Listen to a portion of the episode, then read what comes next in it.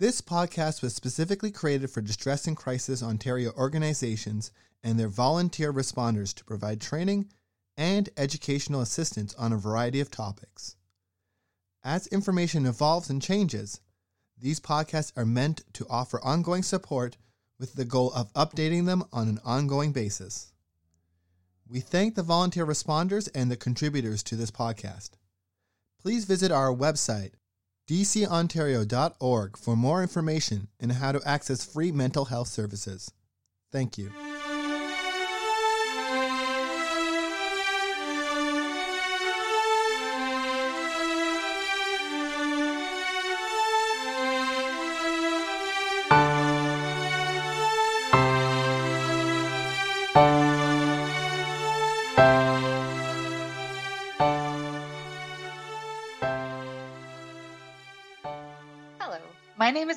Plant, and I'm the program manager at Distress and Crisis Ontario. Thank you for choosing to listen to our podcast. Today, I am joined by Lex Heffernan, who is the program and support group coordinator at the Brain Injury Association of Waterloo Wellington.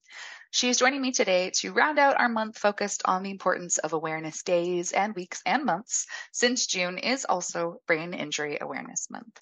So, thank you so much, Lex, for joining me today. I'm really looking forward to learning from you. Thank you for having me. Could you please begin by telling our listeners a little bit about yourself and the work you do at the Brain Injury Association of Waterloo Wellington?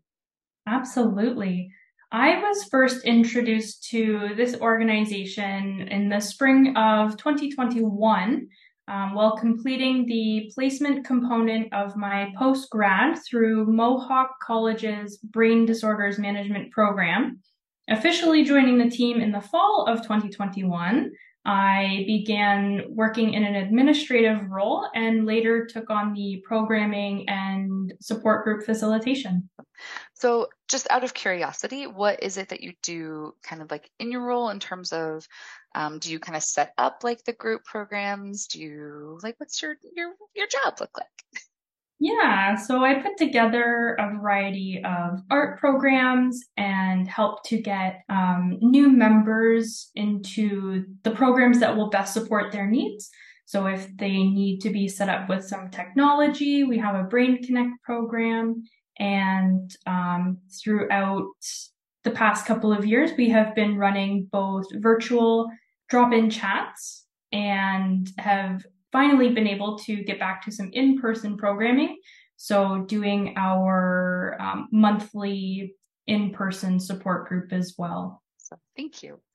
Um, so, yeah, as we mentioned in the intro, June is Brain Injury Awareness Month in Canada. According to Brain Trust Canada, the purpose of Brain Injury Awareness Month is, quote, to bring awareness to the cause of brain injury and educate the community on brain injury, end quote. Why is it important that brain injury be given a spotlight like this? Well, brain injuries do not discriminate. They can affect anyone at any time and change the trajectory of life in an instant.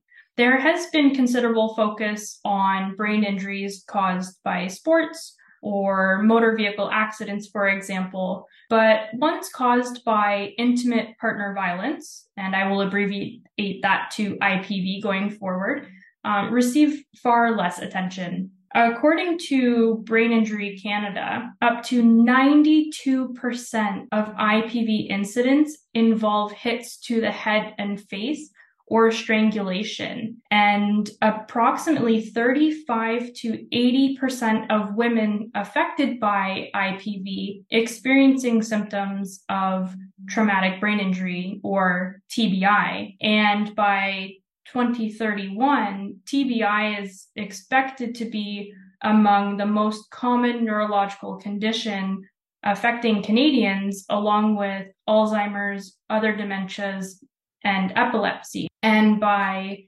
educating the community on brain injuries and how to recognize early signs and symptoms, this can allow for early intervention for recovery, which increases success and helps individuals to live healthy and active lives. Um, far too often, brain injury survivors are ignored and misunderstood.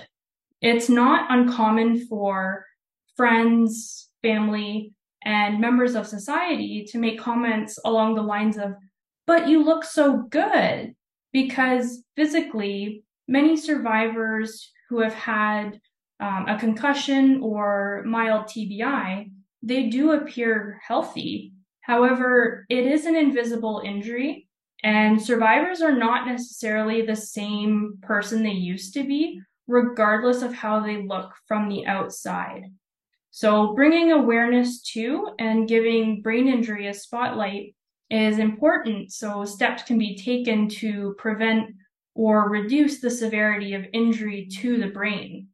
Knowing how much this type of injury can change not only the survivor, but the family unit as a whole can help people to take appropriate safety measures for its prevention. Longtime listeners might know that I have spoken with Christina, your coworker, before, who specifically works with uh, the intimate partner violence um, section of your association.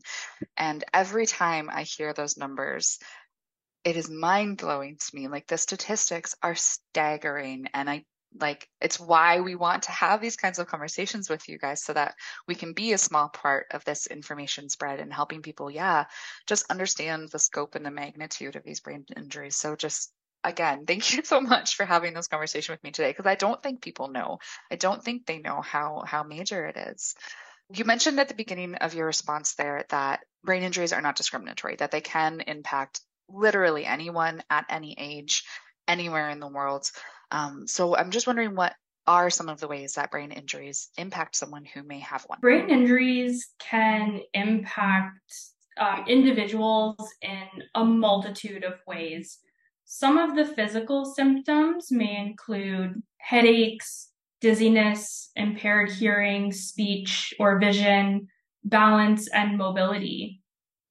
Cognitively, Survivors may experience memory loss, impaired concentration or information processing, trouble with decision making, or even task initiation. Also, experiencing a loss of sense of self or that uncertainty of what life will be like following an injury can result in feelings of anxiety, depression, and even an increase in suicidal thoughts. Some survivors are unable to return to school or work, um, or may no longer be able to participate in or enjoy those activities or hobbies that once brought them joy, it truly can change the facet of one's life. Every brain injury is different, and while these symptoms may be common and experienced by many survivors, each recovery journey is unique and impacted by a variety of factors. So, how can we best support the people in our lives who we either know for a fact or suspect? May have a brain injury, especially again, knowing that sometimes, um, especially in the case of intimate partner violence, people don't necessarily want a, a, firm diagnosis because it might have impacts on the rest of their life.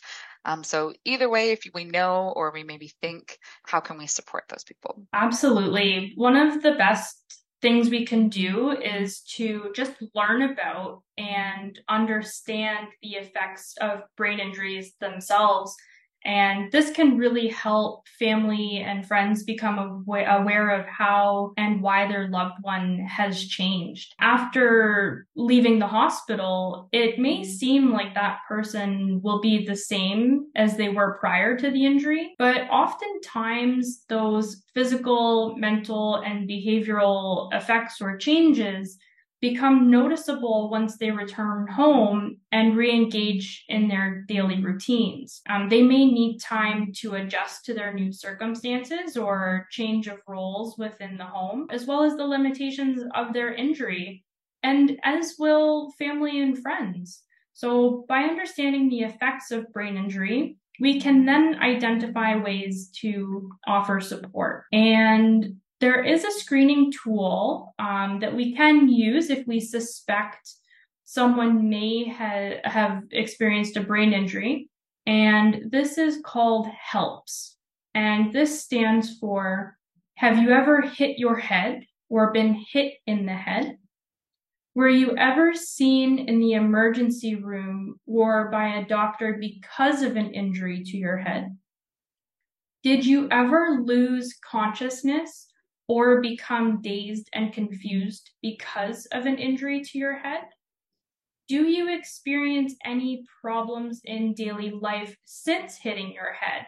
And some of these can include headaches, dizziness, difficulty concentrating or remembering, poor reading, writing, calculating, or problem solving? Or maybe have you noticed a change in your relationships? Have you had any significant sickness? Acquired brain injuries may be caused by brain tumor, meningitis, stroke, seizures, or anything that can cause a lack of oxygen to the brain. Being aware that the effects of injury can vary day to day and symptoms can ebb and flow throughout recovery. So there will be both good days and bad days.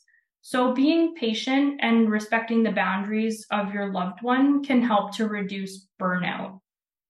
It's also important to not assume that survivors are unable to do things for themselves.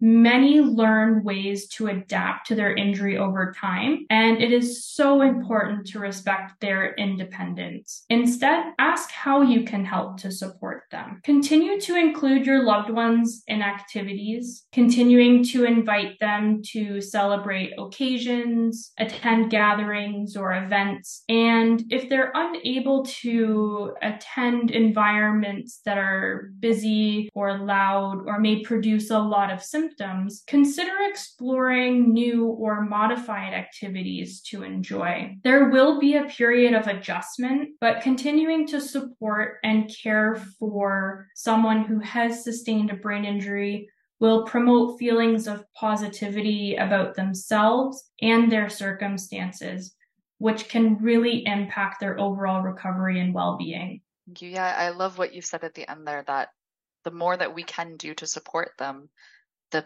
the better they're going to be able to become right? Because that that sense of support and that understanding that okay i still have people in my corner and being included even with adjustments which we can always make adjustments right? It's it's never one way to do anything.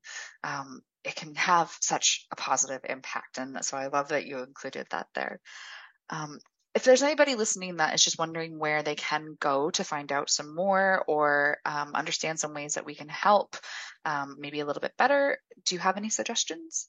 I do have a few here. Um, the Brain Injury Association of Waterloo Wellington has information on their website um, about brain injuries, programs, and support groups for both survivors and care- caregivers as well as a professional directory for services within the region specifically related to relieving symptoms and effects of brain injuries. Brain Injury Canada's website also has a wealth of information on the causes and effects of brain injury, recovery, and rehabilitation, and living with an injury across the lifespan. The Ontario Brain Injury Association other local brain injury associations and March of Dimes also offer support groups for both survivors and caregivers and are a great way to share your own experiences while learning from others. Thank you. And I will make sure that I include the link both to the Brain Injury Association of Waterloo Wellington and the one for Brain Injury Canada um, in the show notes. Um, hopefully, the other ones you can kind of specifically Google what might be in your area, and that will help you narrow it down a little bit better. But I'll make sure I include both of those links in our show notes.